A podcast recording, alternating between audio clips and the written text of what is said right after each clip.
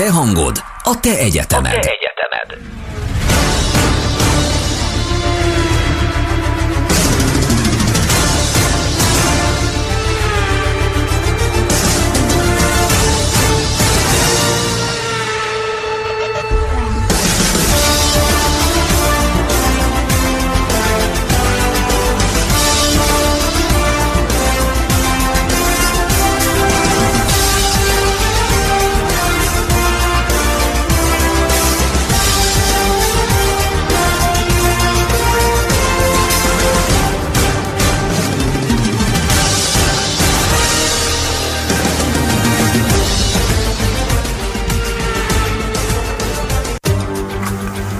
Köszöntjük a Pázmány Rádió kedves hallgatóit. Hétfőn a szokásos időpontban 4 óra előtt néhány perccel kezdődik a GP Racepod adás, ahol is az aktuális eh, technikai sporteseményekkel foglalkozunk. Ez jelen esetben a Forma 1 eh, idei szezonja.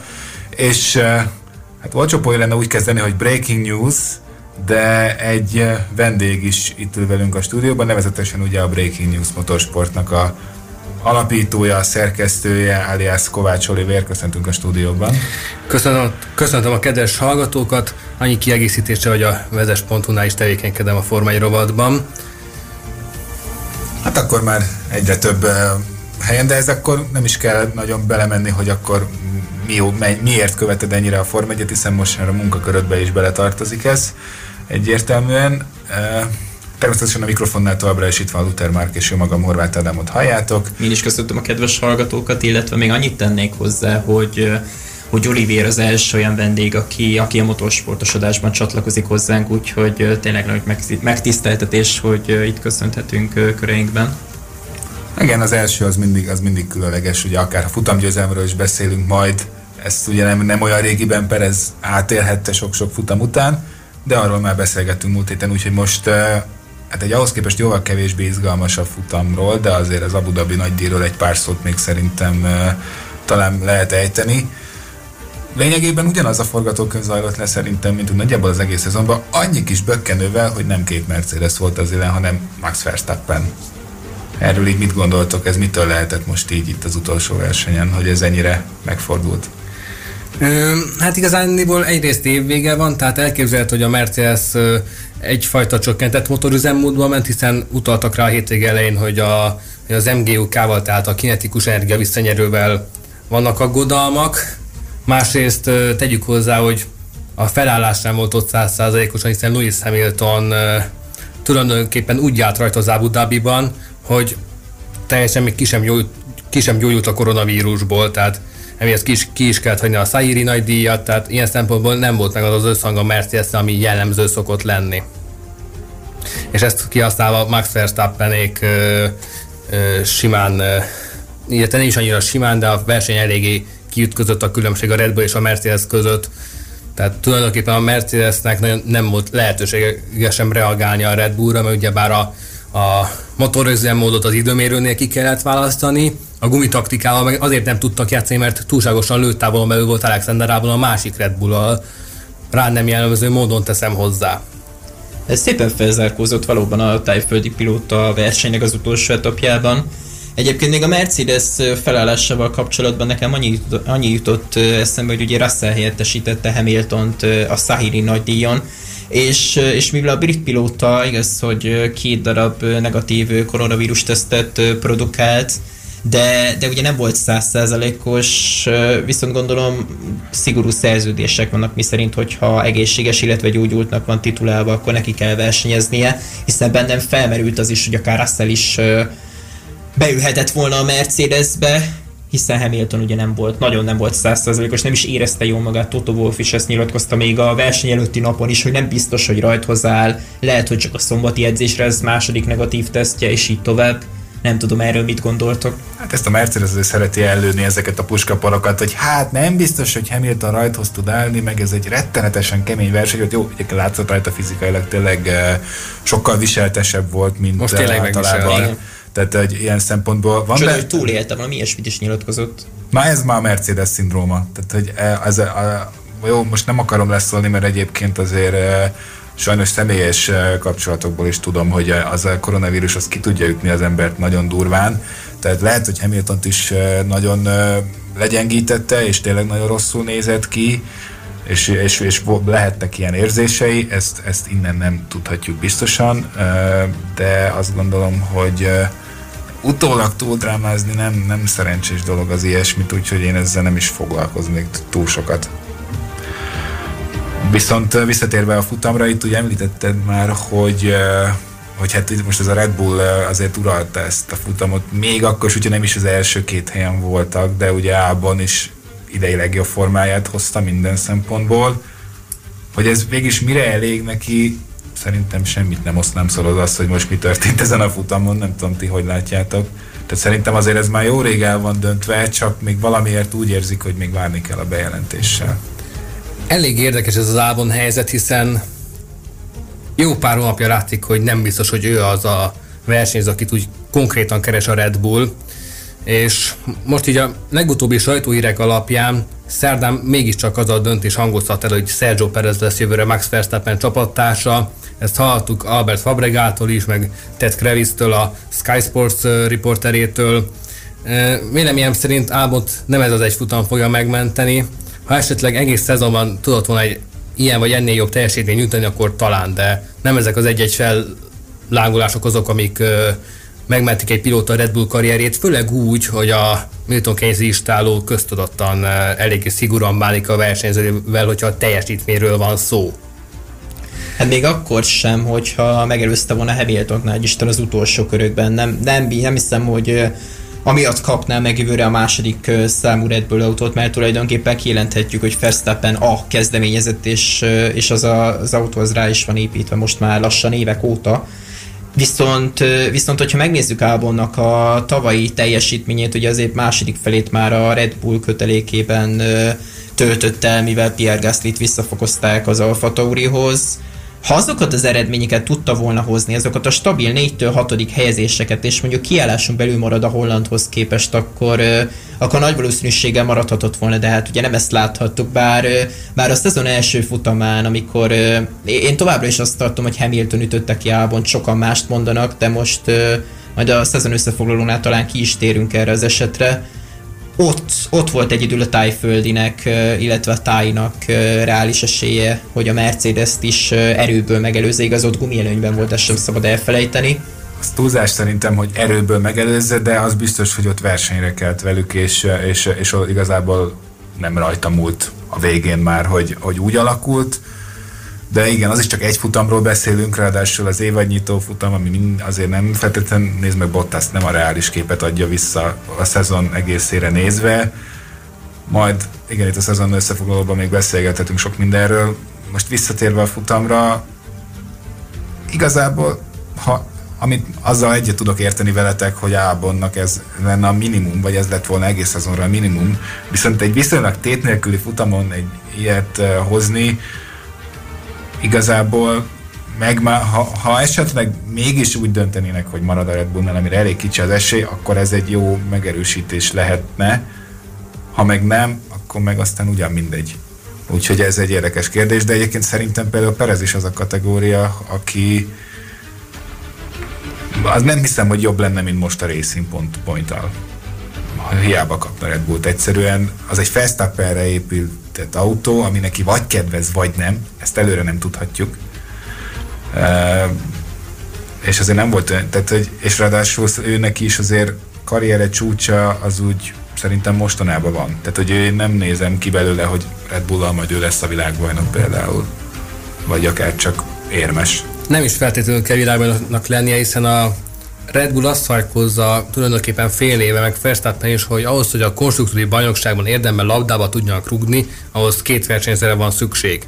Szerintem Perezben meg lehet ez a bizonyos második versenyző, aki, aki adott esetben kiegészíti verstappen mindenképpen közelebb lenne hozzá szerintem, mint Albon. Ugyanakkor Albonnal, ha Albont választja a Red Bull, könnyen kardjába dőlhet vele a csapat, hiszen egyszerűen bárhogy nézzük, bárhogy csűrjük, csavarjuk, az elmúlt másfél évben nem tudunk egy konkrét, egy, egy huzamosabb időszakot sem rá, rámutatni, amikor azt mondjuk, hogy most tényleg kiegyensúlyozottan jól ment ávon.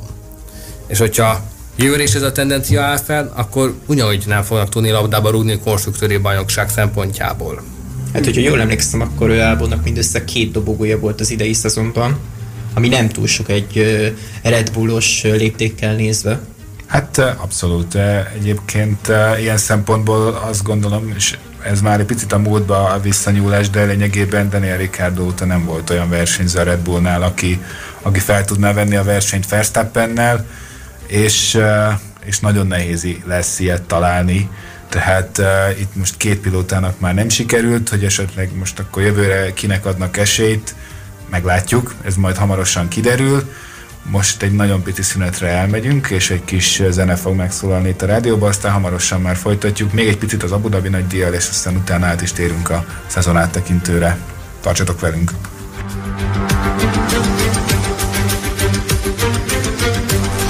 Plasma Rádió. A te hangod. A te hangod.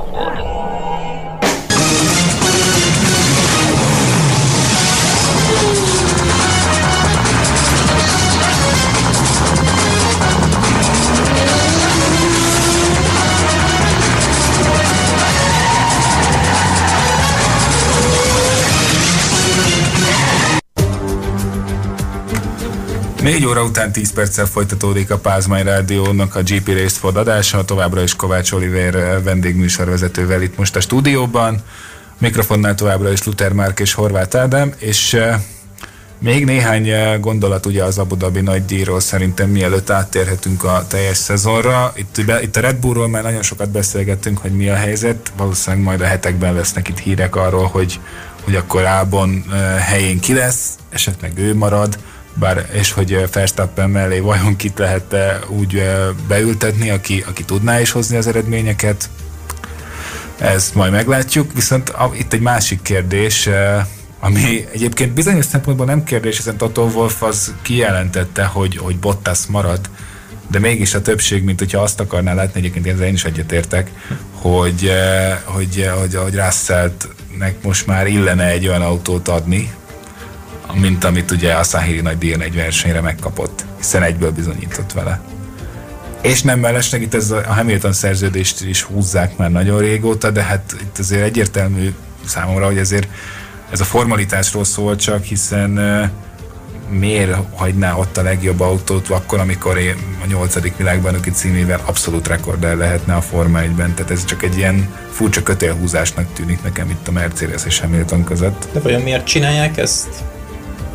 Igen, ez a kérdés. Vagy ez, ez, tehát ez, erre, pró, erre keresem én is a választ egyébként már hetek óta, hogy itt ez mire megy ki. Nyilván ellentétes érdek ugye a Mercedesnél a költségcsökkentés, Hamiltonnál meg a magasabb fizetés. Tehát na, igazából ez nem egy bonyolult, vagy nem tűnik egy bonyolult képletnek, csak ugye itt a kérdés az, hogy melyikük ér többet és itt már ez ugye inkább csak a pénzről szól, mint ahogy egyébként az egész technikai sport, hiszen nagyon sokat beszélgettünk az F2-es pilótáknál is arról még a múlt héten talán emlékszel, hogy uh, például Callum Islet is most a pénzügyi okok miatt uh, fog, üli ki a következő szezont, úgy, hogy egyébként meg ugye bajnok esélyesként érkezett még az utolsó futamra is. Tehát nem egy ilyen rossz pilótáról beszélünk. Igen, ez abszolút így van, és hogyha már a Forma 2-ről beszélünk, akkor említhetjük akár Aléziék esetét is, ahol Jean Aléziék el kellett adni az F1-es ferrari hogy Giuliano versenyezhessen idén, ami, ami pedig a Mercedes illeti nehéz helyzet, tehát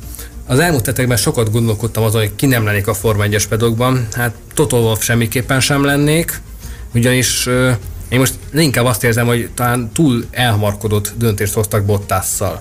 Mert Ebből a szerződésből már nyilván nem tud egyszerű kitáncolni, lehet, hogy éppen miatt nem is akarnak, és inkább kiverek 2022-t, hogy George Russell-t előléptessék, mert hogyha nem léptetik elő russell akkor nagyon könnyen hoppon maradhat a Mercedes, hiszen ha azt teszük, akkor a, a Mercedes Junior programját lényegében George Russell jelenti. Tehát azon kívül még két gokárt versenyző, meg a idén a Formula Renault Európa kupában versenyző ö, versenyző Áron volt a még a legközelebb a történethez, de hát ő, ő is még mondom, Formula Renault Európa Kupa, tehát mire belőle, hogyha egyszer lesz versenyző, akivel lehet számolni, az is 5 éven belül biztos, hogy nem, mert 16 éves. Na igen, de azt viszont tegyük hozzá, hogy egy Mercedesről beszélünk, ami egy eh, a legjobb autó a mezőnyben, tehát evidens, hogy igazából Mercedes, tehát a Mercedes autóban egyébként abból a szempontból nem nehéz pilótát találni, hogy ezt bárki szívesen vezetné. Ingyen is akár erről beszéltünk talán igen. a múlt héten. Ugye Senna esetében volt még, eh, ugye őnála volt először felkapott ez a dolog, hogy ugye a Williamshez nem szerződhetett ugye Prost miatt 93-ban, és akkor mclaren csak ilyen futamról futamra egyezgettek meg, de hogy egyébként ő azt a Williams-t ingyen is elvezette volna, mert hogy azt látta a nyerőautónak. Most ugye a jelenlegi mezőnyben nyilván most már azért a szerződések is tök mások, mint 30 éve, de azért van benne olyan szinten én nem látom annyira vészesnek ezt a szituációt, hogy a Mercedesnél, tehát ott a szerződtetésében kicsit azt látom, hogy ez a nekik ez is belefér. Nekik nem kell a legjobb pilóta, hiszen, hiszen ott van Bottas, aki arra tökéletes, hogy Hamilton kiegészítse. Bottasszal akkor lesz probléma, hogyha nincs Hamilton, és mondjuk russell meg már valaki elviszi, mert akkor kitültetsz be a Mercedesbe, és akkor, még egy, akkor nem biztos, hogy találsz még egy olyan szupererős pilótát, mint az imént említett kettősből valami. Ez megtörténik, abból a Mercedes nagyon nehezen tudná kimagyarázni magát, hiszen láthattuk egy futam erejéig, hogy mi rejtőzhet George Russellben. És hogyha nem csapnak le rá 2022-ben, akkor egészen biztos, hogy mások meg fog tetszeni. Tehát, hogy azt haladtuk is így a sajtóírekből, hogy, hogy a Red Bull is felfigyelt rá. Vele.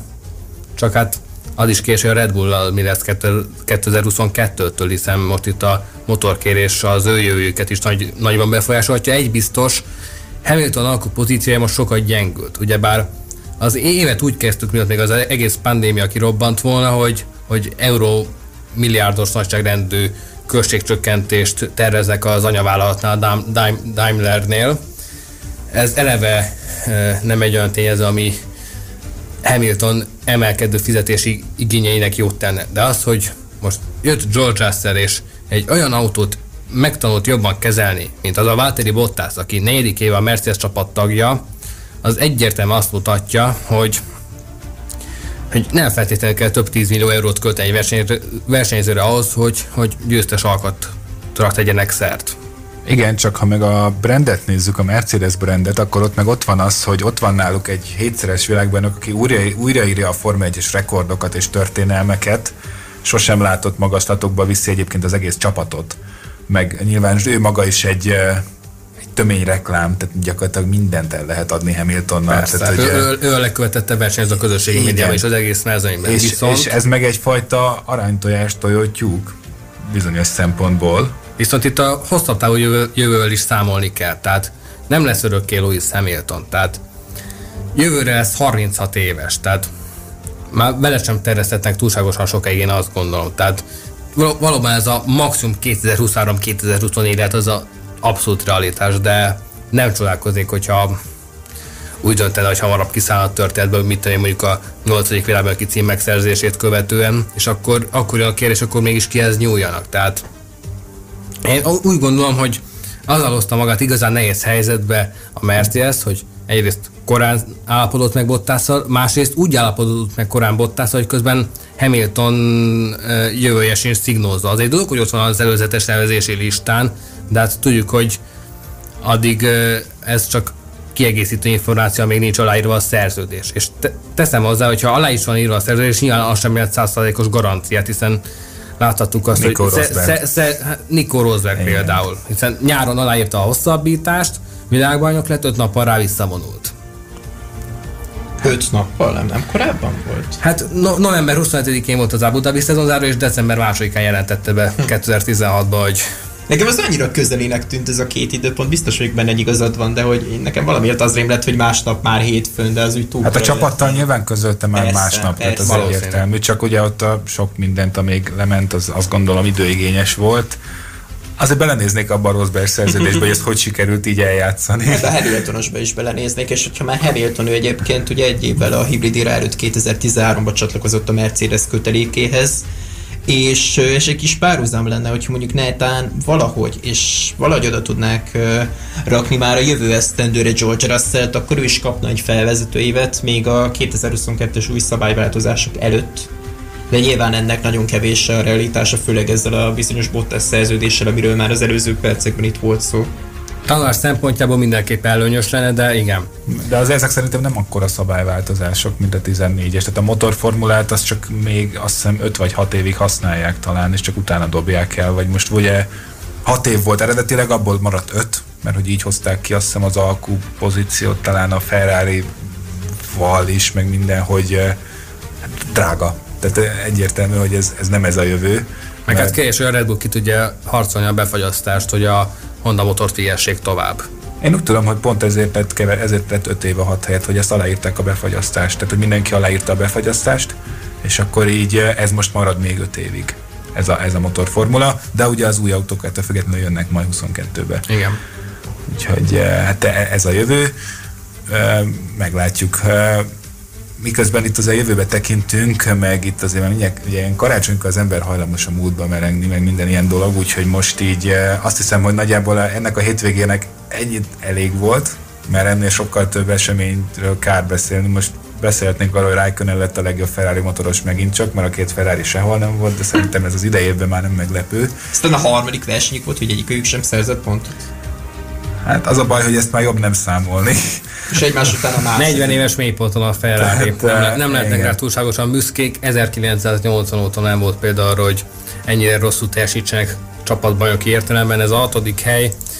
Charles is elmondta, hogy ez nem túl rózsás, és azt is elmondta, hogy még a jövő év sem lesz olyan, mint a 19-es, úgyhogy még jövőre is csak kisebb előrelépés várható a csapat részéről, attól függetlenül, hogy Mattia Binyotto az elmúlt négy versenyből kettőt is kiadott annak érdekében, hogy a Maranelloi csapatot erősítse a, a főhadiszálláson.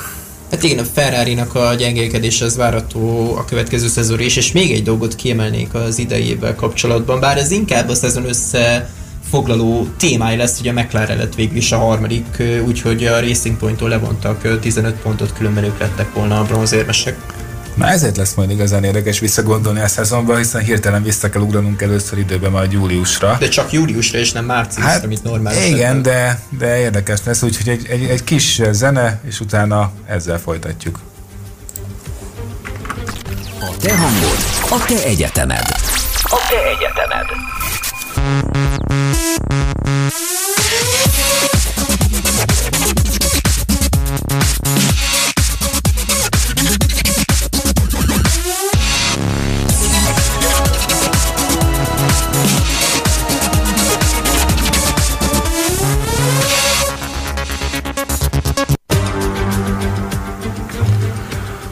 Négy óra 25 perckor folytatódik a Pázmány Rádió adása, ez még mindig a GP Raceport, Luther Mark és Horváth Ádám az éterben, vendégünk továbbra is Kovács Oliver, és uh, most már eljutottunk arra a részére az adásnak, amikor szerintem érdemes az egész szezonra visszatekinteni. Most itt kifejezetten csak Forma 1-re fókuszálunk ebben az adásban, többek közt szakmai ártalomból is, itt Oliver nézve közben. Az egyik legrövidebb szezon volt, abból a szempontból legalábbis, hogy milyen gyorsan lepörgették, és milyen sok futamot. Itt erről már beszélgettünk is előzetesen, mely hány hét mondta? 24? Elképesztően intenzív volt, ezt a 17 versenyt 24 hét alatt pörgették le, és közben annyi uh, tripla forduló volt, hogy, hogy egyszerűen az ember beleszédült, például most is egy három egymás követő versenyes periódusra zárult az év. Hát maximum szezononként szokott egy ilyen tripla lenni, bár az sem minden évben, és azt is így csak mostanság. Hát Igen, ugye az a törekvés, az lett volna a törekvés, hogy ilyen ne legyen. Tehát azt hiszem, hogy talán külön kérték, amikor először csináltak egy ilyen triplát, hogy soha többet. Ja, most egy rendkívüli helyzet volt, a, nyilván alkalmazkodni kellett ahhoz, hogy a bajnokság valamilyen szinten meltető legyen gazdasági szempontból, hiszen az a csapatoknak sem lett volna érdeke, hogy például ne, ne tudják teljesíteni a, a bajnokság szervezője a 15 futamos minimumot, amit a TS megállapodásokra aláírtak. Persze, de egyébként például utaztatás szempontjából azért ezek a dupla hétvégék meg segítettek, ugye, hiszen akkor nem kellett elmenni onnan, tehát akkor ott két egymás követő hétvégén ugyanott, meg kialakult egy pici logisztikai sorrend is, ha, ha figyeltétek, hogy elkezdődött ugye Ausztriába, akkor ott hogy a környéken, Euró, főleg Nyugat-Európában, meg Hungaroring az nem annyira Nyugat-Európa, de ugye ezen a környéken ott úgy lementek a futamok. Hát ez egy kicsit szokatlan volt ugye a nyárban, mert akkor nem itt szoktak menni általában, vagy nem ennyit. És utána, amint ez megvolt, akkor elindultak ugye volt Imola, és akkor onnan ugye Törökország, ami már igazából félúton volt ugye a közel-kelethez. Tehát logisztikai szempontból jóval kevesebbet utaztak, mint amikor kiutaznak Azerbajdzsánba, onnan Kanadába, majd vissza Európába. Tehát Igazából az egy a jövőben is követető irányvonal lenne, tehát sokat sporolnak a csapatok is ebből a szempontból, ami alapvetően érdekük is lenne, főleg úgy, hogy ö, már kopogtat az ajtón a költségplafon is. Na igen, és ezt egyébként lehetne így tartósan csinálni, mint ahogy egyébként például a VTC-ben már a kezdetek óta csinálják.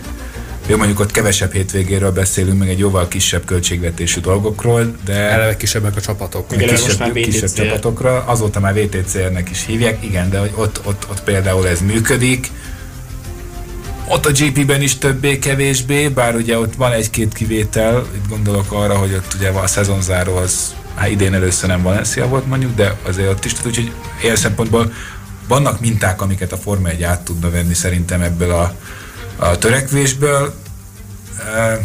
Na de akkor ugye itt a szezon krónikái. Például nem is tudom, Szerintetek időrendben lenne érdemes, hogy inkább végigmenni, vagy, amik, amik, vagy mit emelnétek ki először? Hogyha így csak a szezon egészére gondoltok, akkor mely futamok azok, amik így na, egyből bevillannak, hogy ez, ez, ez, ez igen?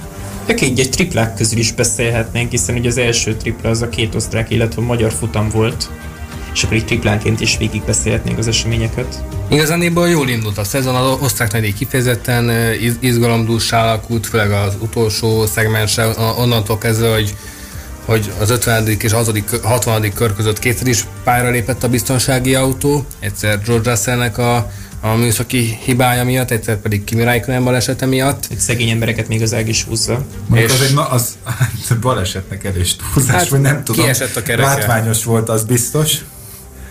Hát, de Akkor hí, hí, hí, hívjuk be a szerencsének. Ezt Amerikában csak cautionnek hívják a sárga.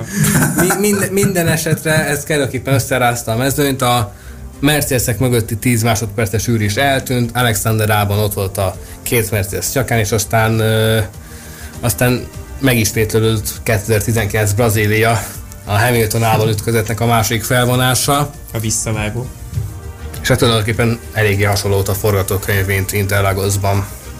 És tulajdonképpen a kimenete is ugyanaz lett, Ában egy újabb dobogótól esett el, mondjuk ezt a két dobogót adott, visszakapta, más körülmények között ugyebár dobogóra állt Mugello-ban, és, és az első Mákrányi versenyem. Hát de, de akár erről a Hamilton háború ütközetről én már elmondtam a véleményem, de akár ti is megoszthatnátok a kedves hallgatókkal, hogy ti hogyan is gondoltátok annó. Vagy akár most is, hogy változott a véleményetek. Alig, ha változott szerintem, tehát uh, Hamilton ott egyértelműen hibázott, akkor is, ha nem ismeri el. Büntetés jogos volt, még egy kicsit enyhe is, ha azt veszik, hogy gyakorlatilag A-ban mennyit bukott rajta, de... Én általában az arany középutat szoktam képviselni, szóval szerintem, hát ugye 5 másodperceset kapott, hogyha jól emlékszem. Igen, az, az, az, az, a pont elbukta a dobogót. Igen, igen, igen, tehát végül is, ha megnézzük, akkor elég büntetést kapott. Hát vehetjük így is, csak lényegében tehát ez a legenyhébb büntetési Igen. forma. Teljes kompenzáció úgy sem érhet el, ha azt vesztük. Tehát. Sportákban tehát nem is a teljes kompenzációra gondolok, csak mondjuk ugyanennyi járna akkor is, hogyha mondjuk kétszer leszorítasz valakit a fűre. Tehát, és azért a kettőt valahogy, na mindegy. De ilyen szempontból a, a, az már a, a nem rajta múlt, vagy nem a felügyelő, nem a büntetésen múlt, vagy hogy elbukta a dobogot, hiszen Norris hat, akkor még 5 másodpercen kívül volt, csak akkor valahogy vissza tudta azt hozni. És Igen, hát, egy időben Mr. Egy... Mr. utolsó körnéven futott Norris olyan hajrákat produkált, hogy az volt a szezonnyitón is. Talán és aztán első dobogóját is a harmadik. Bocsánat, hogy beleszóltam. Igen, nagyon sokáig elő volt a bajnokságban. Hát pont itt már említetted ugye a mclaren hogy a McLaren nagyon erősen kezdte a szezont, és ott, ott, ott a Racing Point meg gyakorlatilag szórta a pontokat. Független attól, hogy ott vontak is le ugye egy ilyen büntetés következtében. De... Hát a Mercedes ügy. Igen, Itt, igen, igen. Tulajdonképpen az idei autó erőteljesen hasonlított a Mercedes tavalyi modelljére, az mínusz 15 pontot eredményezett, ami 15 pont most eléggé hiányzott a, a Racing Pointnak, és hogyha azt tesszük, valóban Annyira hiányzott az a 15 pont, hiányoztak azok a pontok is, amik uh, elúztak például Sergio Perez Bakreini elfüstölésével, akkor ott 15 pont úszott el, pont az a 15 pont, Eleve két, minden, mind a két Meg ugye kiült futamokat a koronavírus Igen, miatt. Perez két futamot is kiadott egymás után, a két Silverstone fordulót, és tekintve, hogy például a második két végén, a 70. évforduló nagydíjon Nico Hülkenberg harmadik lett az időmérőn, az is egy dobogó esélyes helyzet lehetett volna Perez szempontjából, de mindenképpen egy top 5-ös eredmény, tehát ilyen szempontból azért a Racing Pointnak sem alakult teljesen szerencsés a szezonja, viszont aminek nagyon örülhetnek az a, az a, az a Sahiri győzelem, amikor Sergio Perez 190 futam után felért a, a csúcsra és feliratkozott a Forma 1 győztesek listájára. Pierre Gaslyhoz hasonlóan egyébként, hogyha már a két új győztesről beszélünk, 2020 ö, plusz kettővel növelte a futamgyőztesek ö, számát az örökrangistán. Pierre Gasly nyerte a, a Monzai nagydíj, egyébként az olasz nagydíjat Monzában. Ez is egy óriási futam volt. Egyébként ott majd pont erre akartam kitérni, hogy a monzai futamig azért olyan nagyon sok emlékezetes dolog, aztán az osztrák futamot leszámítva amúgy nem nagyon történt. Ugye volt egy defekt hullám Silverstone-ban, az utolsó körökben. Hamilton háromkerekes befutója, az háromkerekes. mindenképpen emlékezetes pillanat volt. Igen. Ugyebár Bottasnak is volt ott egy eléggé bal szerencsés helyzete. Igen, akkor még én is azt mondtam, hogy egyébként a Mázdi faktornak a hat, hatszoros köbe, hatszor a köbön körülbelül, hogy ő úgy kap defektet, hogy meg tudja nyerni, Bottas meg pontot se szerez, de utána meg Verstappen kiáll mögüle kereket cserélni, amiről nem tudjuk, hogy az, az most akkor biztonsági volt-e, vagy a leggyorsabb kör. Tehát az, Hát igen, ezt most ezek már, már- nem fogjuk megtudni. Ezek így utólag már mind ilyen, ilyen érdekes találgatások, de... Minden esetre, hogy a defektet kapott volna, akkor azzal ő is többet veszített volna, mint, a mint az úgymond beiktatott kerékcserével. Az biztos, viszont ugye a, a, kiállással meg jóval többet bukott, mint amennyivel végül lemaradt ugye Hamilton defektje miatt. Úgyhogy ez egy, ez- az, az ilyen szempontból legalább volt miről beszélni, mert amúgy azon, a, annak a futamnak ez volt a története, meg egyébként volt már ilyen defekt hullám Silverstone-ban, ugye a két Ferrari. 2013-ban, nem is a Ferrari, 13-ban. 13-ban volt az, amikor Akkor. négy versenyzés kapott defektet, akkor is érintett volt Hamilton, meg ott volt Felipe Massa Jean-Éric Vergne is, és aztán a végén Sergio Perez, amikor még McLarenben ült. Igen, igen, úgyhogy Silverstone-ban úgy látszik, hogy ez a defekt veszély ez valahogy mindig uh, fent fog állni. Na de uh, szóval szerintem a szezon elején ilyen szempontból nagyon kiszámítható volt, meg nagyon sok minden eldőlt. Akkor még úgy tűnt, hogy akár az autófélény, meg a Mazda faktor, aztán majd a későbbi futamokon arra még majd a, hamarosan beszélgetünk, hogy mik voltak azok az igazi extra klasszis Hamilton teljesítmények, amik gyakorlatilag az utolsó szöget is beverték ezekbe a koporsókba de hál' Istennek ilyen különleges futamokról is beszélhetünk, mint például a Monzai, úgyhogy eh, szerintem a szünet után ezzel fogjuk folytatni. Kázmány Rádió. A te hangod.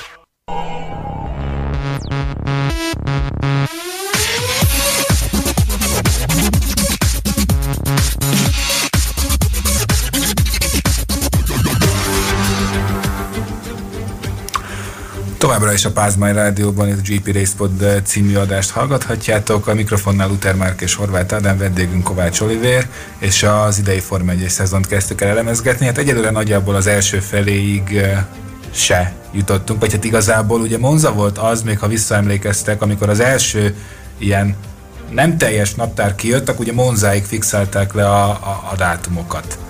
Hogy, eh, hogy ez a nyolc futam, ez biztos, ugye annyi kellett ahhoz, hogy, eh, hogy, Hogy érvényes legyen a bajnokság. Eh, igen. És ha jól emlékszem, akkor a, pont a mozai futam volt az első, amiről már a rádióban beszámoltunk.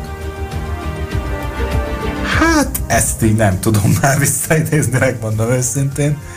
De, de igen, Monzai futam, az is az ráadásul egy minden szempontból különleges futam volt. Például hosszú évek után egy, egy, régo, egy régi szabályt ugye visszahoztak, nevezetesen, hogy piros zászló után új rajt van, álló rajt, és ugye ez gyakorlatilag most érvényesült először, bár technikailag már ugye akkor is meg volt ez, amikor a safety káros rajt ugye volt az esős Hockenheimi futam, igazából ez a szabály majdnem ugyanaz, csak ugye ott a futam elején volt, tehát ott az azért nem annyira, annyira jött ki. Itt viszont gyakorlatilag ez egy második félidő kezdődött minden, minden szempontból. Egy, egy eh, majdnem a feje tetejére állított rajtrácson Monzában, és, eh, és egyébként az, szerintem talán eredmények szempontjából az egyik legkülönlegesebb futam, hiszen ha jól tudom, akkor eh, az volt az első hosszú évek után, amikor se Mercedes, se Ferrari, se Red Bull. A 2012-es magyar nagydíj után, amikor,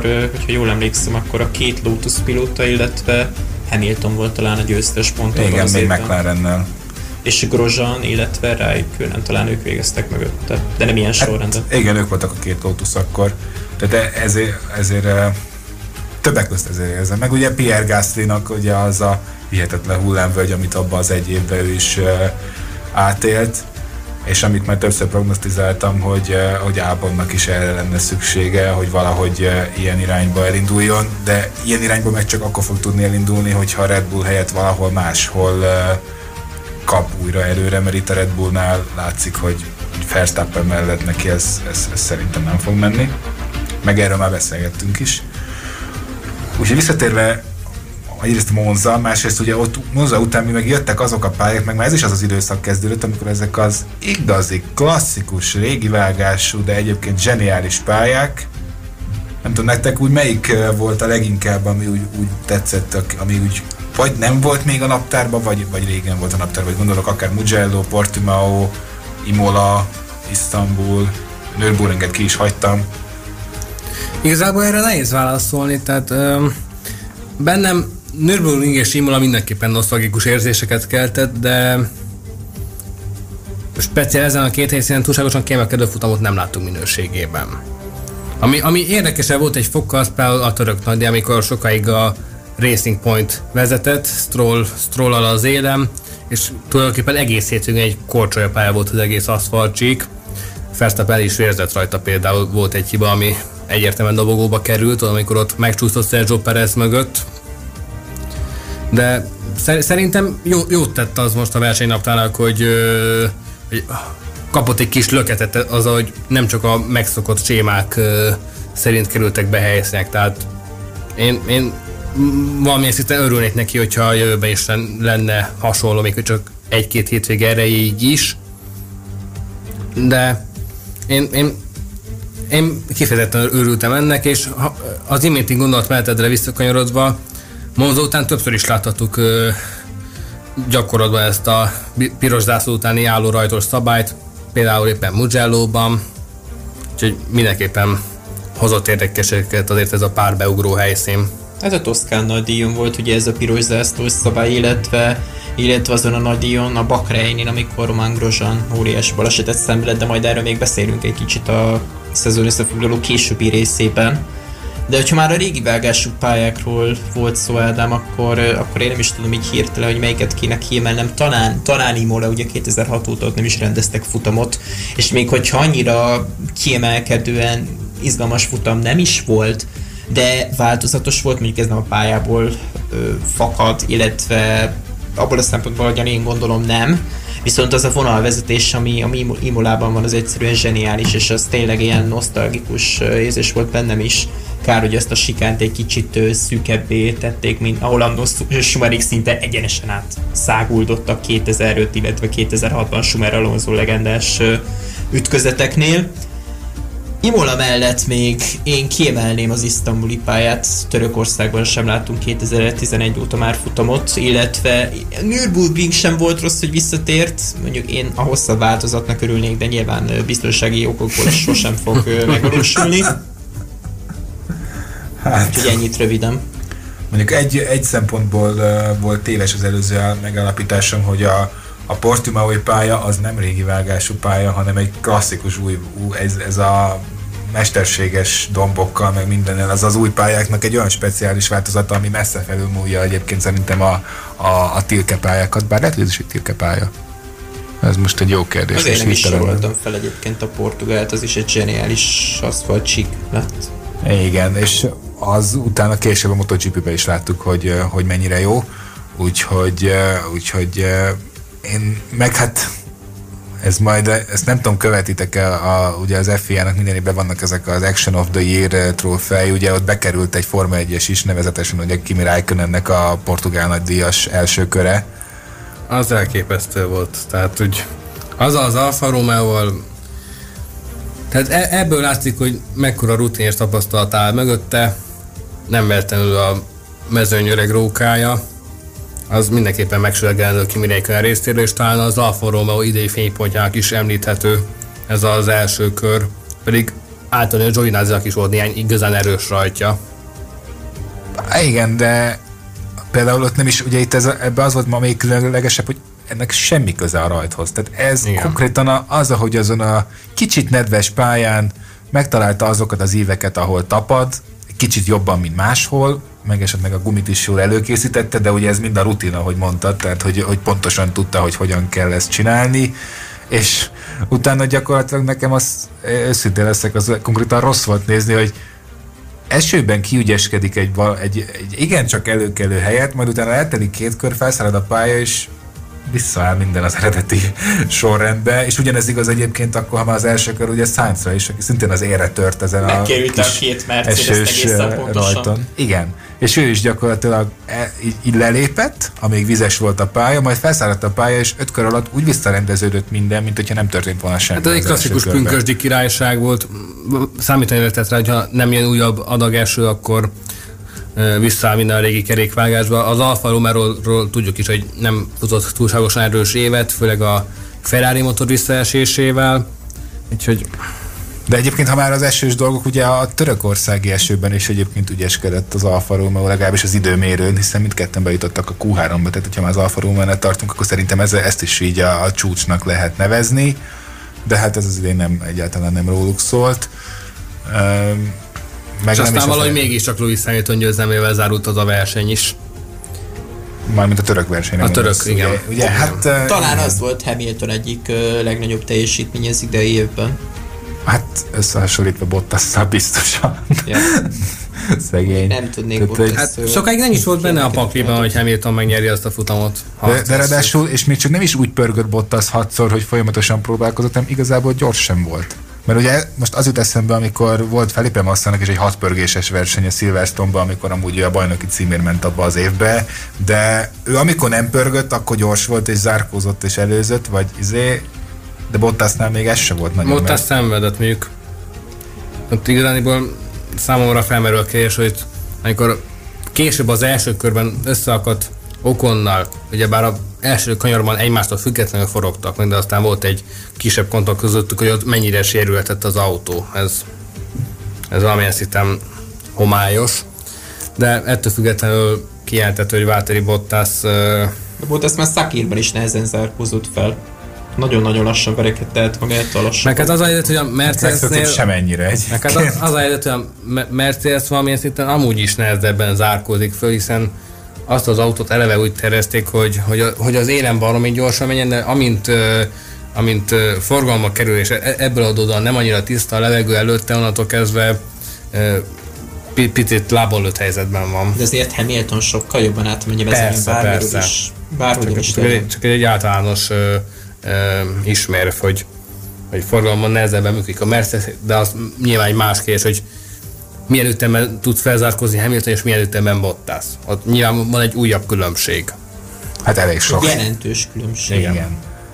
Hát még majd szerintem mindenképp beszélgethetünk erről, hogy a Hamiltonnak ugye itt milyen klasszis teljesítményei voltak, ugye az egyik a török, ott szerezte ugye ezt a bizonyos bajnoki címet is, meg azért, azért volt sok ilyen eset, amikor egyértelműen kijött a különbség, hogy hát miért is uh, tudja több mint 100 pontot vert egyébként Bottasra, tehát itt is majdnem akkora a különbség, mint mondjuk a Red Bullnál Verstappen és Albon között. És Verstappen is épp, hogy lemaradt a második helyről, úgyhogy öt kiesése is volt ebben az esztendőben. Tehát ilyen szempontból ez, ez a, a jövő szempontjából is megér egy kérdést, meg hát ugye szezon összességében nézze, hogy, hogy erről mit lehet gondolni. Úgyhogy uh, még szerintem mindenképp folytatjuk a szezon értékelést, viszont egy kis zene után Rádió, a te hangod.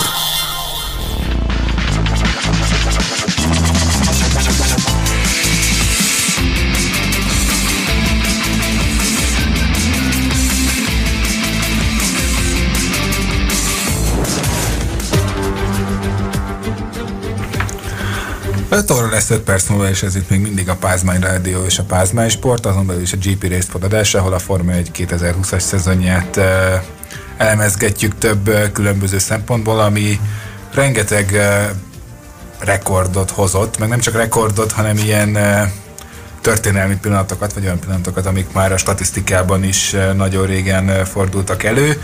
Ebből néhányat már itt emlegettünk az eddigi szűk egy órában, és hát most tartunk nagyjából ott, ugye, hogy hogy jutottunk el ugye a, a történelmi pályákig, amik csak idén kerültek be a naptárba, és hát...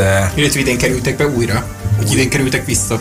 Valami visszakerült, valami először bekerült, és hát elég nehéz elképzelni mondjuk egy Mugello-ról, hogy ez ne egyszerű eset legyen, hanem, hanem, hanem visszatérjenek, pedig hát az a pálya nekem azért is tetszett, mert ott egy kicsit más volt úgy az egész, ahogy, ahogy ott mentek. Tehát az a, az a, az a tempó, arra az, az autó szempontjából egyébként tehát nekem, nekem egy, egy ilyen szempontból, még ha motoros pálya is, de, de például tetszett. Meg az, hogy hát ott sóderágy van. Tehát, hogyha hibázol, akkor, akkor büntet, büntet a pálya. Igen, az ilyen szempontból egy vérpeli pálya volt, hogy a maga mondja eléggé szűk is volt, és hogyha már szóba került a más, Bakrem egy úgy vezetéssel is megismerkedhettünk, alig több mint egy héttel ezelőtt, az mindenképpen egy újabb fűszere volt a szezonnak.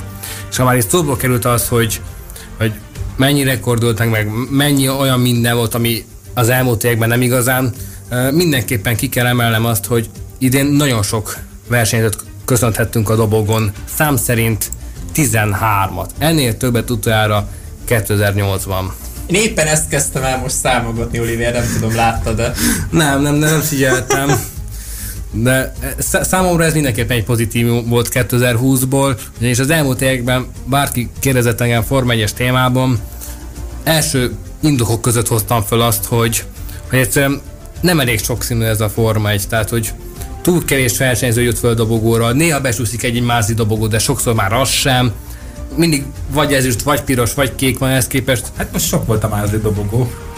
Hát so, igen, sok is volt, de, de úgy is jött ki, hogy tényleg meglepetésszerű eredmények, igazi totógyilkos eredmények szülessenek. Tehát kezdve itt Gasly győzelmével, Perez győzelmével, ami akár Russell is lehetett volna, akkor dobogóra állt Ricardo Renault-val kétszer is, Esteban akkor is dobogóra állt, Lestro is dobogón volt, Egyébként a Russell, tehát oké, okay, hogy feltételes módban nem jó beszélni, de ugye a Russell féle defekt eredményezte azt, hogy idézőjelben csak ennyi dobogós volt, hiszen Strollnak az már nem az első dobogója volt. Mármint Pereznek.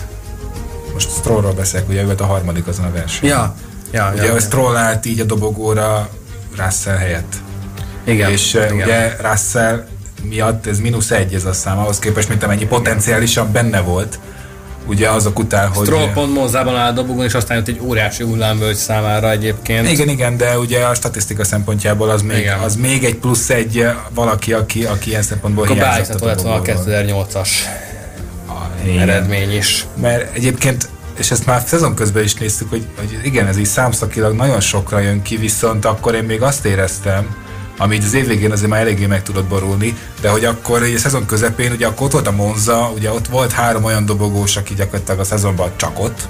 Jó, aztán Stroll később még egyet szerzett, de ugye hogy voltak ilyen futamok, mint Monza, és az, a, de a legtöbb futamon meg ugye igazából ugyanaz a három pilóta valahogy váltogatta egymást. A, a, a, az tény, de hát Gondolj csak bele, hogy mi lett volna, ha lényegében az egész szezon erről szólt volna, hogy ők három váltogatják egymást a dokból, az mennyire egyszínű lett volna, de szerintem ez mindenképpen egy pozíció, hogy valahogy mégiscsak így alakultak Igen. a dolgok, pláne egy elég reli szezonban teszem hozzá. Persze, nem, arra gondolok, hogy, hogy ugye ezek nem, nem úgy alakultak, mint mondjuk 2008-ban, hogy volt egyfajta változó erőviszony, hiszen ugye ott a, bár ott is volt két kiuralkodó csapat, ugye a Ferrari és a McLaren, bár a McLaren inkább csak Hamiltonnal, de ugye ott, ott odaért a Toro Rosszóval Fettel, és nem úgy, hogy Mázdiból, hanem többször is, erőből, Monzába meg aztán végképp leiskolázott mindenkit, ugye odaért, vagy akár ott volt Alonso a Renault-val, az nem is tudom melyik évben volt, amikor Toyoták voltak nagyon jók, az lehet, hogy nem 2008 volt, lehet, hogy 2000, na mindegy.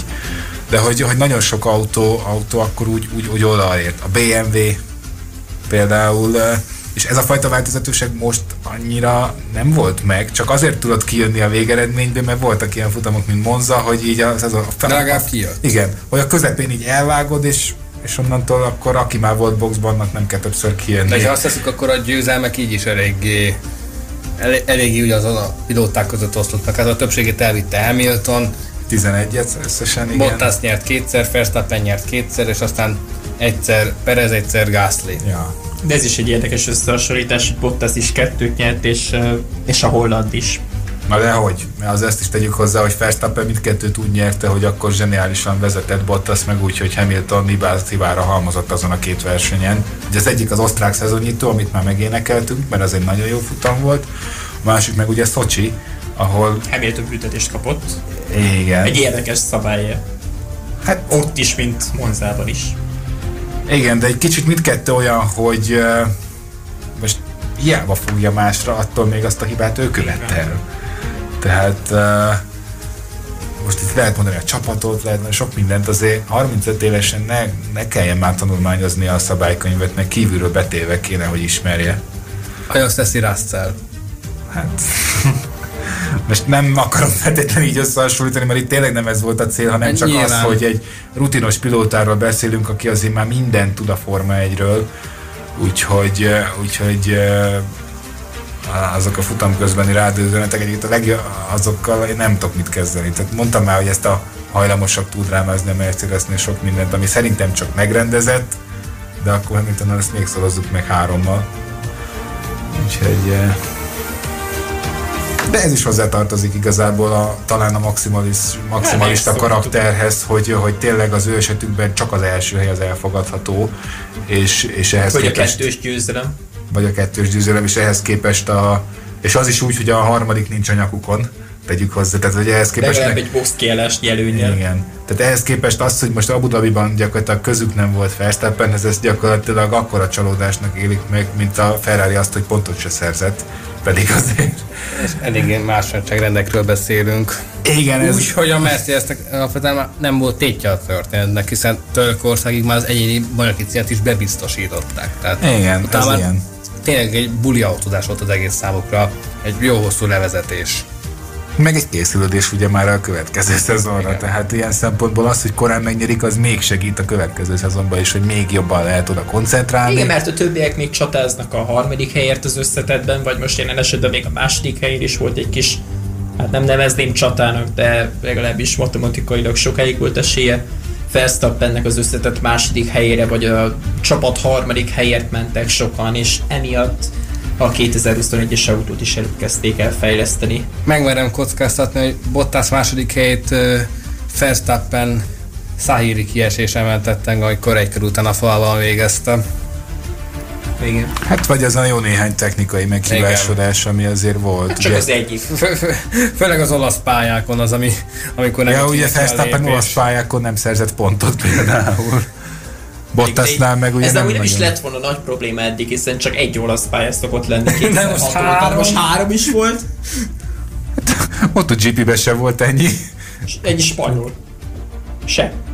Hát de spanyolból van az. ennyi, csak... Jó, de hogy pályából lehet, hogy van, de ennyi futam, amúgy nem. Ja, hát igen, tehát ilyen, az ide, ide, idejében meg különösen igen, de most arra gondolok csak, hogy ugye a Forma 1-ben amúgy se szoktak kettő fölé menni nagyon, az már nagyon ritka, amikor kettőnél több eh, futamot rendeznek nem egy tudom, országban. volt utoljára ilyenre példa. 82-ben volt azt hiszem három amerikai talán.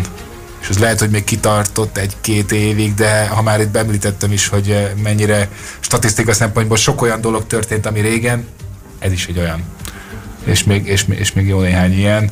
Úgyhogy eh, ilyen szempontból megvolt a maga különlegessége ennek a szezonnak nagyon sok szempontból, és, eh, és itt már gyakorlatilag majdnem teljesen eh, a végére is értünk. Eh, Még itt a szezon végét valamennyire azért ott, ott az már előkerült akár azzal kapcsolatban is, hogy hogy lehet majd a jövőre tekinteni.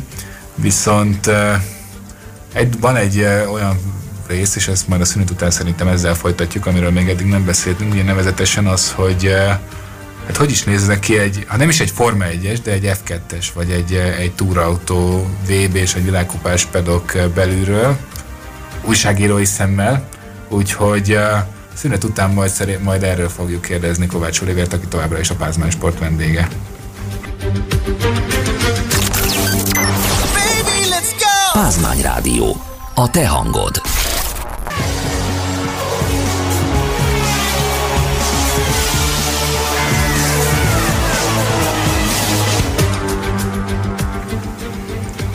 5 óra után 8 perccel még mindig a Pázmány Rádióban. A mikrofonnál Luther Márk és Horváth Ádám, vendégünk pedig Kovács Olivér, aki a Breaking News motorsportnak az arca is lehetne, úgymond, és a most már vedes.hu is uh, újságíró, és uh, arról beszélgettünk már több alkalommal is, hogy uh, ugye te már megfordultál F2-es pedokban is, ami ugye nem lehet, hiába ugyanaz, ugye mindenki, ugye már ez köztudott, hogy az nem ugyanaz, mint a Forma 1-es, tehát gyakorlatilag nem is lehet átjárni.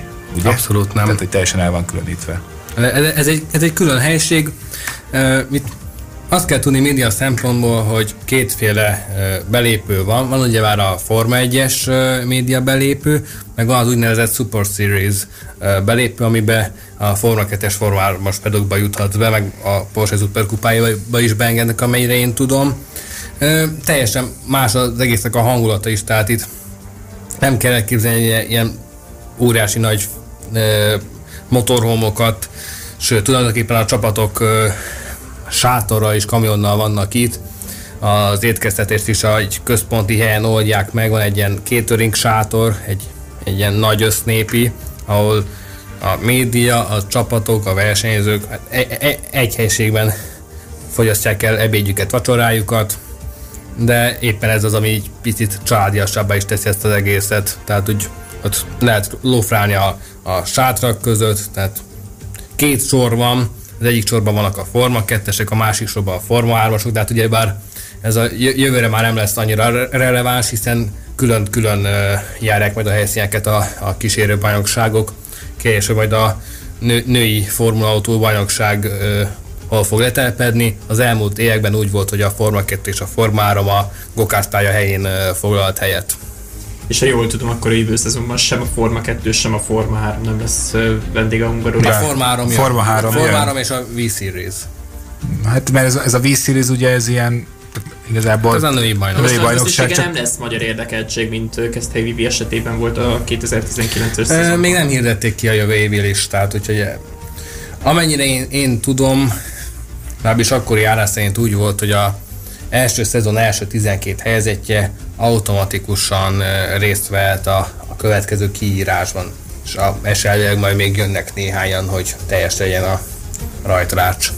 Meg attól szerintem nem kell félni, hogy emiatt rövid, kevesebb program lesz a, a hétvégén, csak más. más hát eleve azért tették szét, mert például a Forma 2 és a 3 több verseny lesz egy hétvégén, eddig kettő volt, most három lesz, mint hogy például volt korábban a Forma 3-as Európa bajnokságban is, Úgyhogy... És ráadásul az az érdekes, hogy a háromból csak egy, egy lesz az, ami, ami úgymond főfutam normál rajtrács Igen. szerint, és kettő is egy kicsit ilyen variált, vagy hát nem teljesen fordított rajtrács, de azért nem, a, nem az időmérő sorrendjében. Kevesebb pontért persze, de azért mégiscsak két futamról beszélünk. És éppen ez az, ami komplexebb ö, teljesítményt és helytárst követel majd a versenyzőktől is, hiszen tudni kell az időmérőn is jól szerepelni, tudni kell felzárkózni, és meg hát összességében egy nagyon stabil teljesítmény nyújtani. És talán ez jó kis előszobája lesz majd a Forma 2-nek, illetve a Forma 3-nak, hiszen tulajdonképpen a két alsóbb kategória az most hasonló szisztémában fog futni. Igen, lényegében a hétvégék számában lesz különbség, de alapvetően nagyjából... Meg ugye a helyszínek nyilván, a tehát helyszínek. hogy ugye így nem lehet átfedés, és ugye a Hungaroring csak az egyik jöhetett, és azért ahogy néztem a naptárt, az, F, az F2, tehát ami egy picit nagyobb, azt jobban merik messzebb vinni közel-keletre például, meg ilyen, ilyen, ilyen helyszínekre. Az F3-nál talán annál csak egy helyszínre emlékszem, hogy nagyon belett dobva egy ilyen messzebbi helyszín, de most így fejből nincs meg az a naptár.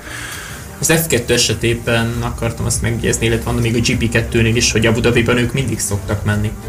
Most ők inkább a Bakrányi dupla állomást választották, legalábbis a bajnokság szervezője. Hát azért, mert nekik azért elég kézenfekvő volt ez a sok duplázás, hogy akkor ők is dupláznak azon a pályán, és gyakorlatilag az európai szezon majdnem nem kimerítette az ő naptárjukat. Tehát, hogy nekik nem, egy ilyen naptárban nekik azért nem volt nagyon volt szükség ennél többre. De belegondolunk, maximum 12 hétvége szokott lenni a Forma 2-ben.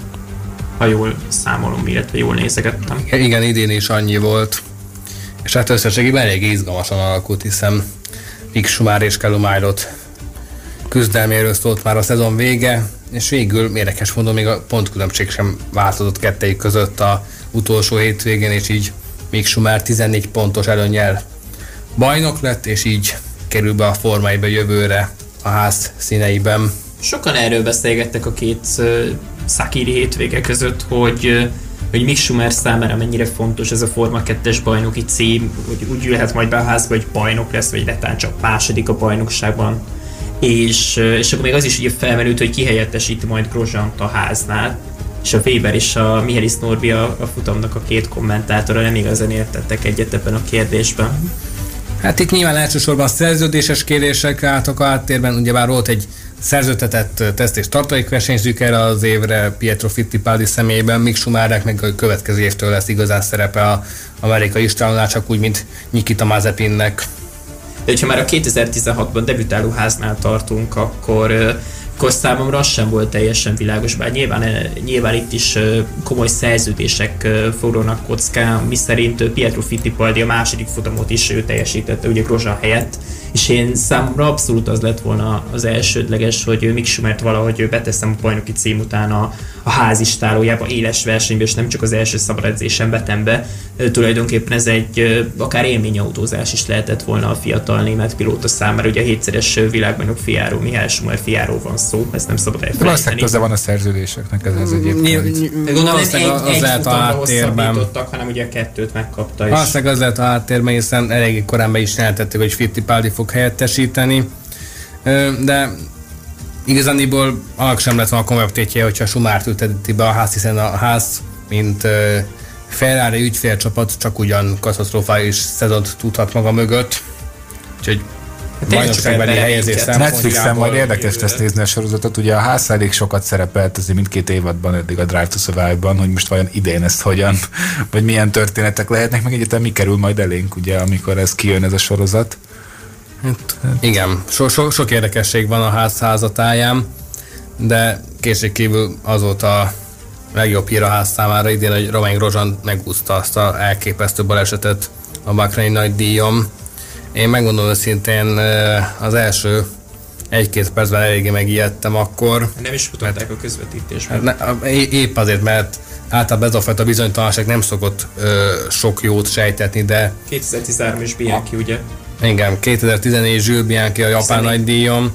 Ö, az, az, az, az, egy másik nagyon megrenítő esemény volt, meg hát ugye bár ne feledkezzünk meg Antán Hüberről sem a Forma 2-ből tavalyról, de azt kell mondjam, csodával határos, hogy ilyen szerencsés alakult ez a Grozson eset, még hogyha véletlen utolsó két formányos után már nem is vehetett részt, az, hogy egy ekkora balesetet égési sérülésekkel megúszom. Apró égési sérülésekkel. Apró égési sérülésekkel, az mindenképpen, hát tulajdonképpen második születésnap.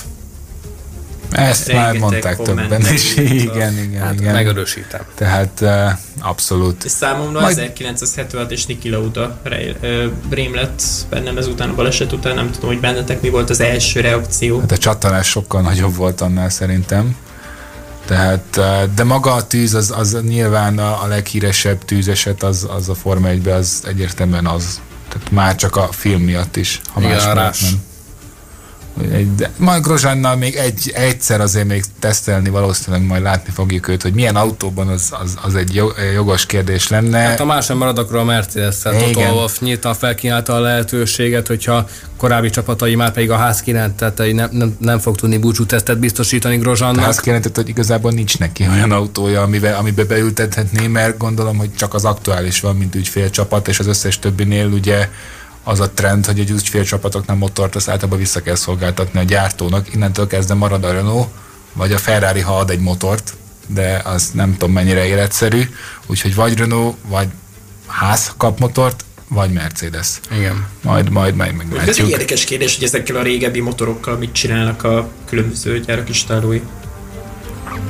Hát, szolgáltatott egységek. Hát ahhoz már egy motormérnököt kéne megkérdeznünk. Igen, meg hát ki, ki lehet indulni valami szinten a Red Bull Honda nyilatkozatokból, hogy Christian Horner többször is tette arra utalást, hogy ezeket a Honda motorokat kell lenne hagyni porosodni egy japán raktár mélyén, tehát valószínűleg valahol eltárolják őket. Hát láthattuk uh, Fernando Alonso-t körözni, illetve majd körözhet is a, fia, a fiatal pilóták tesztjén. Nem szabad elfelejteni, hogy ezt az első szót azt uh, nyomatékosabban is ki lehet fejezni, akár amikor Alonso tesztjéről beszélünk, viszont teljesíthetett minden nap néhány kört a 2005-ös bajnok Renault-jával, vagy jól emlékszem, akkor volt a 2005-össel. Igen. Talán a Forma egy történetének egyik legszebb autója volt. Kétségkívül egy na- na- nagyon szép része volt az Abu Dhabi hétvégének, és ö, ö, nagyon sokakban keltetett ö, nagyon kellemes, nosztalgikus érzést az, hogy egy ilyen uh, ikonikus autó, még a jó öreg V10-es motorral végig sűvíthetett az Abu Dhabi pályán, és állítólag nem is volt annyira lassú vele. Egy 39-es Tudjátok, mit tűnt még fel nekem egyébként, ahogy ment Alonso az, az autóval, hogy egy még oké, okay, az új tilkepályák jellemzően nagyon szélesek, tehát hogy szinte el tud veszni rajta az autó, de hogy egy kicsit azért pöttömebb a autó, mint a, ezek a mostaniak, és olyan, olyan fürgébbnek tűnik az egész, tehát sokkal sokkal jobban emlékeztet egy versenyautóra, mint sem egy nagy dögre. Igen, az elmúlt tíz évben jelentősen megnőtt az autók mérete és tömege is. E, való igaz, korábban jóval kisebbek voltak ezek az autók, úgyhogy ez nyilvánvalóan ezzel van összefüggésben. Gondolj csak például Monte Carlo-ra, tehát annó például a régi lőszkanyarban simán lehetett előzni, most már picit... Hát a simán az erős hát, hát a mostaniakhoz képest. Tehát, igen. Tehát most már a legtöbben nem merik olyan bátran bedobni oda az autót, hiszen abból könnyen lehet egy olyan találkozó, mint amilyen például volt Raikkonen és Magnussen között 2014-ben. Na, az már tipikus példája az új autók problémájának, hogy oda nem lehet befordulni, de hát ha belegondolsz, akkor régen mondjuk az alagút végén még sokszor próbálkoztak előzéssel, mostani autókkal már ott sem nagyon Fersztappen tavaly megpróbálta. Hát ezt odaig jutott, hogy egy kicsit szemben. kitolta a sikámból, és ennyi, de az, hogy mellé érjen, az már nem tud megtörténni, úgyhogy hát ez, ez, ez ilyen sajnos. Még visszatérve egy kicsit a pedokra, ugye a, majd említetted, hogy mennyire el van különítve, és mondjuk ha összehasonlítanád, akár nem is, ugye voltál mondjuk F2-n csak hungaroringi pedokban voltál, gondolom. Igen, és még annyit tennék hozzá, hogy a hogy 2019-ben már úgy zajlott a rendszer, hogy alapvetően a hétvégén nagyját lent töltöttük a pedokban, viszont amikor ö, zajlottak a na- nagyobb sajtótájékoztatók, mint a verseny után, akkor arra az időre fölvittek minket a, a nagy sajtóterembe, ahol a Form is nyilatkozni szoktak. Tehát ö, valamelyik szinten lehetett érzékelni a különbségből. Ö, és nem, nem voltak ott Forma 1-es pilóták, esetleg valamiféle ütközés így a két pedok között nem volt ne, ne, ne, nem, nem volt ütközés. Tehát valahogy annyira eltérő sávokban voltak ezek így kialakítva, hogy, hogy akkor a véletlen nem volt. Mert lehet, hogy pont abban az évben nem volt, aztán... Nem, volt. szerintem egyáltalán nem, hiszen a Forma 2-es pilóták sem mehetnek be az F1-es pedokba, tehát hát, hogy... Kivétel azok, akiknek van érdekeltségük a pedokban juniori szerepből kifolyólag. Ja persze, az, az, az, az más, de hogy alapvetően, mint F2-es pilóta nem lenné jogosult rá. Csak így, ahogy, ahogy te említetted.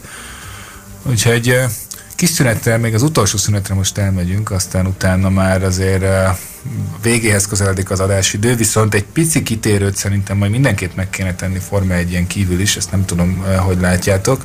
Úgyhogy így az utolsó etapban egy picit megpróbálunk, mert az F2-t már szóba hoztuk, még egy picit még szélesebb vizekre vezni az autósport világában, és így lezárni ezt a ezt a 2000 utas autósport szezont, úgyhogy zene után ezzel folytatjuk. Otthon maradtál? Helyes! Unatkozol? Hallgasd a te hangod! Pázmány Rádió.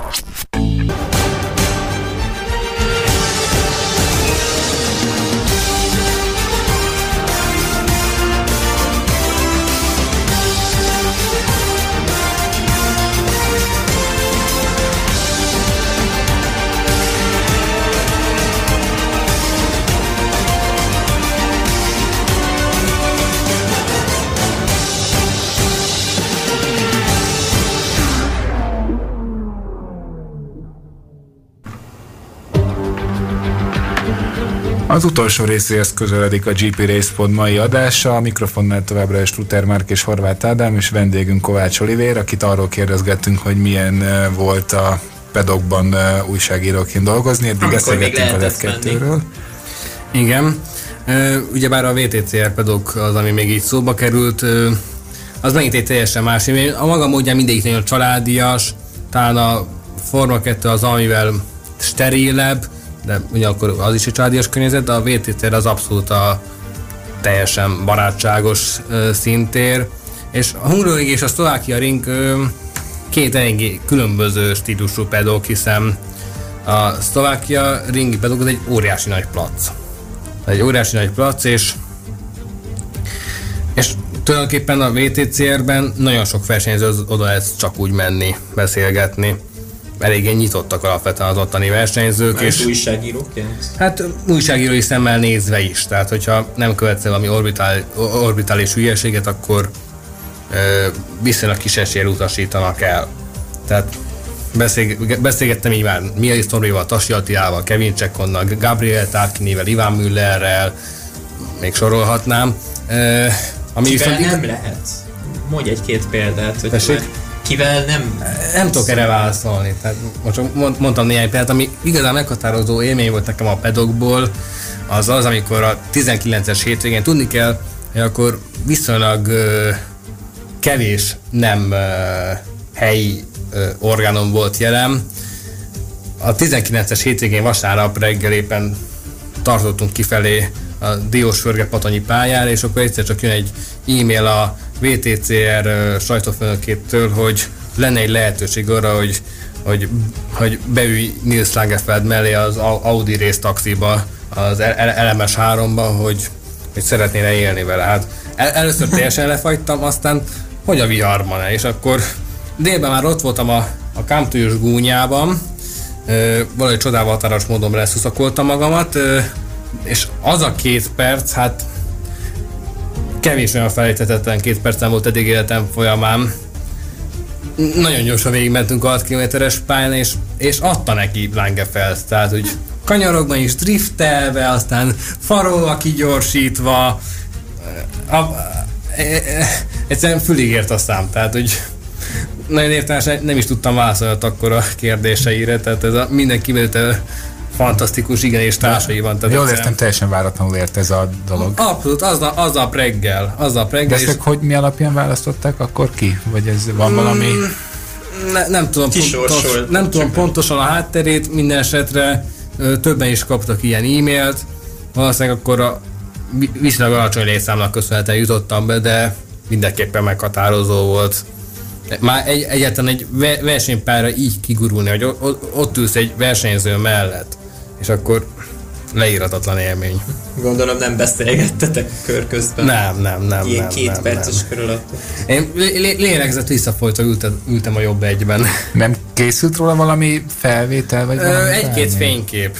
Csak így az elej, elejéről meg a végéről.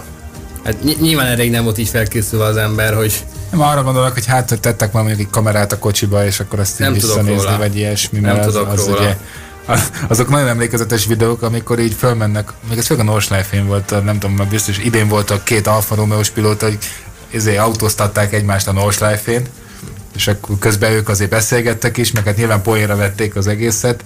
Meg nekem a kedvenc ilyen Norslife-es videóm, amikor uh, ugye Farfus már elég sokat ment a Nordschleifen, és akkor egy ilyen erősebb BMW-vel elvitte a feleségét egy körre azon a pályán, úgyhogy még egyébként ott voltak civilek is, meg motorosok, meg minden, és hát nem tudom, az a videó az így, ha megvan nektek, hogy így miről, mi történik ott lényegében? Az Alfa Romeo-sból valami rémlik, de hozzáteszem, hogy hogy semmiképpen nem állt valaki ott mobilkamerával szerencsét Hát az, az nem a, is, persze. Az élmény annál sokkal többet ért. Én nem is erre gondoltam, hanem, hanem magára arra, hogy ott, ott az be volt kamerázva, ugye akár az Alfa Romeo is, ott, ott az tényleg vicc, vagy viccesre vették az egészet. Hát a, a BMW-s az meg úgy nézett ki, hogy hát Farfus élvezte, az, az mint hogyha élete élménye lenne. Felesége Szegény felesége meg gyakorlatilag sikoltozott majd, hogy nem végig. Tehát... Uh, Augusto, please, please, please. nem kapsz nem, a fatorát. Nem, van, nem, mert neki már van egy beceneve, amit csak ketten használnak, de ebben most nem menjünk bele, hogy ez a Nino Nino, ez mit jelenthet. Uh, fő, viszont uh, visszatérve még egy picit a, így erre az egész szezonra. Ugye a VTCR szezonról most olyan sok időnk hát nem nagyon lenne beszélgetni, úgyhogy ezt most inkább kihagynám. Nem volt egy hosszú szezon, de ha így valamit ki kéne emelni, akkor, akkor mit emelnél ki belőle? Ugye idén nem nagyon lehettél jelen ezeken a Hát igen, és ugye már magyar szempontból sem úgy sikerültek a dolgok, hogy azt, azt abban sokan reménykedtünk, de az mindenképpen kiemelendő, hogy az Engő motorsportak azért már egész jól alakultak a dolgai idén, főleg meg annyi nehéz szezont követően, ugyebár Boldis Bence fordított rajtrácsos polpozíció a Hungaroringen, az mindenképpen egy, egy emlékezetes pillanat, meg amikor Mikkel Ascona uh, Aragonban megszerezte a csapat első győzelmét több mint öt év után. Tehát szerintem, hogyha valamit ki kellene emelni ebből a szezonból, pláne magyar szempontból, akkor ezek lennének, meg ugyebár Tacsi is megszerezte első dobogóit még a szezon elején. Norbinak most nem jött össze a dobogó, hát de... a hyundai az egész éve nem jött össze igaz, igazság szerint. Egy, egy polpozíciót hát, tud felmutatni. E- eleve hátrányból indultak, aztán sztrájk, volt egy sztrájkos hétvége is. Még hétvégét most lehet kihagyták. Testületileg. Nem voltak egyszerű helyzetben, és utána se tudták hát már meg... nagyon fölkapni a fonalat. Hát meg amíg a szabályok ilyenek, addig kicsit azt érzem a Hyundai szempontból, hogy ők arra várnak, hogy eh, ugye visszatérjenek azok a szabályok, amik egyenlőbb feltételeket teremtenek. Hogy ez mit hoz a jövőbe, az más kérdés. Ugye arról sem nagyon volt semmi konkrét hír, hogy mondjuk mi lesz Mihály Norbival, ugye nem szólt róla semmi, Igen, se, ő se a csapat az, hogy... még nincsenek bejelentések. Ennek kapcsán azt valószínűsítem, hogy lesz néhány keményebb beszélgetés André Adamo és François Ribeiro között, aztán meglátjuk, eddig nem volt elég. Jönnek ki. Hát jön, jön, jönnek az újabb menetek. És a Forma 1 mondjuk ott úgy mi lenne, itt arra sokat beszélgettünk az elmúlt másfél órában, ott, ott úgy mit emelnétek ki? Én meghagynám a vendégre az első szót. A két úgy összes mindenképpen kiemelném, hiszen mind Pierre Gassinak, mind Sergio Perez, aki nagyon különleges pillanat volt az, amikor nyerett, egyszerűen a dobogós képek mindent elárultak arról, hogy mi mehetett át rajtuk azokban a pillanatokban. Hamilton rekordöntése is, és hát beért egy hétszeres világban Mihály Schumárt, ez olyan valami, amire tíz évvel ezelőtt nem, nem nagyon fogadtunk volna nagy tétben, lássuk be. És Hát talán még a hibridéra elején is nehezen. Hát még akkor is. Mert ugye úgy kezdtük ezt a hibridéret 2014-ben, hogy Hamilton egyszeres világbajnok volt. Igen. Aztán jöttek hát, szép sorban, 16-ban Nico Rosberg csapta le a bajnoki címet.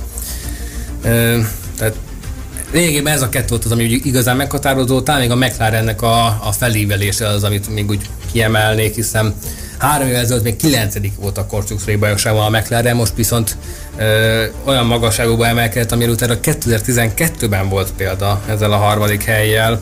Úgyhogy ha három dolgot meg kell neveznem, akkor szerintem én e-, ezen a három vonalon indulnék el.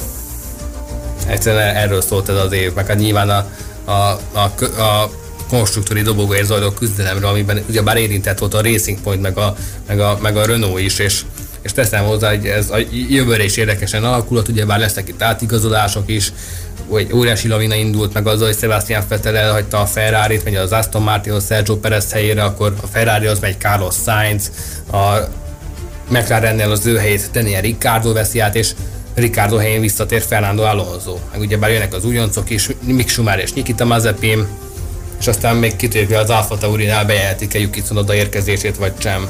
Úgyhogy még lesznek érdekes kérések 2021-ben is. Ez szépen összefoglaltad egyébként az idei szezonnak a krónikáját 3-4 mondatban, úgyhogy számomra nem is maradt más, mint hogy megpróbáljam kiegészíteni például Sebastian Fettelnek a, az elég csúnya távozása után a Ferrari-tól. Már Ausztriában kiderült, hogy amikor felhívta Matteo Binotto, hogy Sebastian jövő évtől már nem számítunk rá, úgy nagyjából ennyi. Biztos, hogy elhangzott ebben a beszélgetésben, de most részletesen erre ne is térjünk ki. Fettel után én kiemelném George Russellnek a beugrását, és végre Igen. láthatjuk, hogy hogy Russell nem csak a mezőny végén képes vezetni, hanem képes egy futamot az első helyről, képes jól elrajtolni, a safety káros fázisok után is tökéletesen vette az akadályokat, akkor a piros zászlót követően és vajon a pól is már lett előtte, 26 ezreden múlt. Érten itt most nem volt piros zászló, természetesen VSC és stb. fázisok, úgyhogy igen, tehát tényleg az újdonságokra ő abszolút vevő, és szerintem, szerintem 2022-től kezdve tökéletes utódja lesz Hamiltonnak, vagy hogy majd mit hoz a sors, azt majd hamarosan megtudjuk, de számomra mindenképpen kiemelendő volt Mick Schumacher Forma 2-es bajnoki címe, ami egy kicsit már ugye össze is függ a, a Forma 1-es karrierével, ami majd 2021 márciusában fog remélhetőleg indulni Ausztráliában, illetve ugye már ő be is mutatkozott volna a német nagy első szabad edzésén, de végül is az esély miatt az elmaradt. Igen. Ha már a változásoknál tartunk, új vezérrel lesz a Forma is visszatér Stefano Domenicali a sportkörébe, Csészkerit, Csészkeri ezzel a háttérbe kerül, egyre közelebb a nyugdíjhoz. Meg hát ugye bár újra barátkozhatunk új csapatnevekkel is, mint például a Renault helyett Alpine lesz, a Racing Point helyett Aston Martin, vagy valószínűleg sokan még a Racing Pointhoz sem szoktak hozzá. Én is mindig Force Indiázok sokszor. Hát Spiker már nem mondtunk rájuk. Vagy Rájka nem még csapatrádió közben is, még ha van, hogy nem tudja, hogy milyen autó megy előtte, ugye volt erre azt hiszem Monakóban még például egy-két évvel ezelőtt, úgyhogy... De az Alpine esetében ugye őket Lömmanban láthattuk már ilyen néven. Hát, Na, meg, a Forma nyilvánul. Meg egyszer, egyszer szinte megénekeltük ezt a szitut, hogy most akkor lesz egy Alpin, egy Alfa Tauri, meg egy Alfa Romeo. Remek. Ilyen jók is egybecsengő nevek. De az lesz, amikor ők mondjuk 61 bolyt alkotnak, és akkor kis betűs csoport. Még az Aston Martin akkor csatlakozhat ehhez az albetűs csoporthoz egyébként, igen. De... Hát Antonio Giovinazzi vagy már az albetűsök. Vagy Antonio Giovinazzi az Alfa romeo meg Alonso az Alpinba, és és így, így már megvan az első osztályos tananyag az általános iskolában is, hogy lehet az albetűt tanítani, teljesen tök jó lesz egyébként. Főleg lesznek történetek, azt hiszem, hogy jövőre is eléggé gazdagon, meg azért itt összességében idén is volt, tehát annak ellenére, hogy azért nagyon sok minden korán eldőlt, meg én azért nem várom azt, hogy, hogy jövőre ne Hamilton legyen a nyolcszoros világbajnok, amit más nem is lehetne rajta kívül. Hát, túl, de... túl nagy szabályváltozások jövőre nem lesznek. Egyetlen az autók egy... is lényegében ugyanazok lesznek, mint ebben az évben. Szóval egyetlen egy dolgot uh, érdemes kiemelni, amire így nem tudom, hogy uh, mennyire gondoltatok bele, hogy a hibrid érában csak Hamilton az olyan világbajnok, aki még mindig aktívan versenyez a Forma 1-ben. Hát tekintve, hogy 14 óta van hibridére, ez, ez annyira nem szokott le, hiszen Rosbergről tudjuk, hogy Igen. ahogy megnyerte, úgy az a lépéssel megköszönt ennyi elég is volt. Azóta volt Mercedes nagykövet is, most jelenleg a elektromos mozgódásokat kíséri nagy figyelemmel, részvényes a Formula E-ben, a német RTL szakértője. De ugye az már nem, az, mert onnan ig- most kiszáll a Forma 1 Hát az most onnan kiszáll, meg az Xtreme-ben indít csapatot, csak úgy, mint Hamilton is alapított egyet. A Hamilton márka is létrejött, illetve a Hamilton egyenest is, a célegyenesét Silverstone-nak is elnevezték Lewis Hamiltonról. Hát a szándék megvan, szerintem az hivatalosan még várat talán magára egy, egy kis hát ez ideig, de... Diego Maradona stadion ugye Nápolyban, ha már egy focis példát Igen. De egyébként bizonyos szempontból ez várható volt, az egy picit meglep, hogy ezt már az aktív pályafutásában, mert általában azt akkor szokták, amikor már az emberről tudják, hogy vissza fog vonulni. Igen, azért ezek a dolgok nem szoktak tetszeni, nem is azért, mert róla van szó, hanem azért. Például Mihály Sumár kanyar. Igen. Az egy más kérdés, hogy utána már visszatért hát, utána a visszatért, igen, meg vagy MotoGP-ből tudok számtalan példát hirtelen előhozni, ahol, ahol tényleg az volt, hogy már tudták, hogy vissza fog vonulni, és akkor nevezték erről a tehát majd lehet, majd biztos, hogy lesz Mark Marquez kanyar is valamikor, de ezekről most egyelőre... Vagy akár a Mansell a Hungaroring esetében. Igen, de... De az nem hivatalos és az amennyire én tudom, tehát az képletesen ragadt rá, hogy az elézik kanyarra is. Vagy eléz. Tehát Igen. A, ha néz egy hivatalos pályatétképet, ott számozások vannak. Úgyhogy eh, hát majd jövőre remélhetőleg azért eh, újra találkozunk ezen mindenfajta ilyen régi pályával, ahol fel ugye Monakóban ott nem számozások vannak majd például, meg még van egy-két ilyen pálya. Illetve remélhetőleg, hogy közelebb is kerülünk a király kategóriához, illetve a kisebb sorozatokhoz, akár nézőként, akár újságíróként, akár bárhogyan is. És rem, megreméljük, hogy uh, Olivernek is tetszett itt a műsor, és szívesen visszatérsz még velünk beszélgetni a formáról, mert azt gondolom, hogy itt, uh, ha csak ha most nem lenne véges a műsoridő, akkor is reggelig tudnánk erről beszélgetni. Van rá esély. És, a, és ugye, ha nyolcig nem megyünk, akkor utána ötig itt kéne maradni, úgyhogy... Uh, az egy kivételesen maratoni adás lenne. igen, úgyhogy azt gondolom, hogy ez ennek a műsornak most hamarosan véget kell vetni, de ez nem azt jelenti, hogy végleg, úgyhogy uh, itt mindenki búcsúzott, meg változások vannak folyamatban a Forma 1 meg Abu Dhabiba. De mi holnap jövünk vissza. De ho- holnap, ne felejtsük el. Holnap ugye kezdődik a darts világbajnokság, tehát lehet váltani egyik sportágról a másikra. Egy 180! Másfelől lehet szokni. Másfelől lehet szokni ezeket a hangokat majd, igen. Kár, hogy, nem, kár, hogy Fülöp László még nincs itt a stúdióban, mert akkor lehetne még teljesen teljes ez a, ez a képlet. De Vereckei Lajos már. De Vereckei Lajos ugye itt, itt járt múlt héten, és és ő is jól érezte magát, meg reméljük, hogy a vendégeink általában itt jól érzik magukat. Viszont annyira érzem, hogy kezdem túlbeszélni ezt, hogy ezúton is köszönjük szépen mindenkinek a megtisztelő figyelmet, a vendégeinknek azt, hogy ellátogattak ide, és reméljük, hogy visszatérő vendégekről beszélhetünk minden esetben, és holnap ahogy ezt már Márk is említette, holnap, holnap délután négytől folytatjuk már a darts világbajnokságra való hangolódással, úgyhogy további szép estét mindenkinek! Otthon maradtál? Helyes!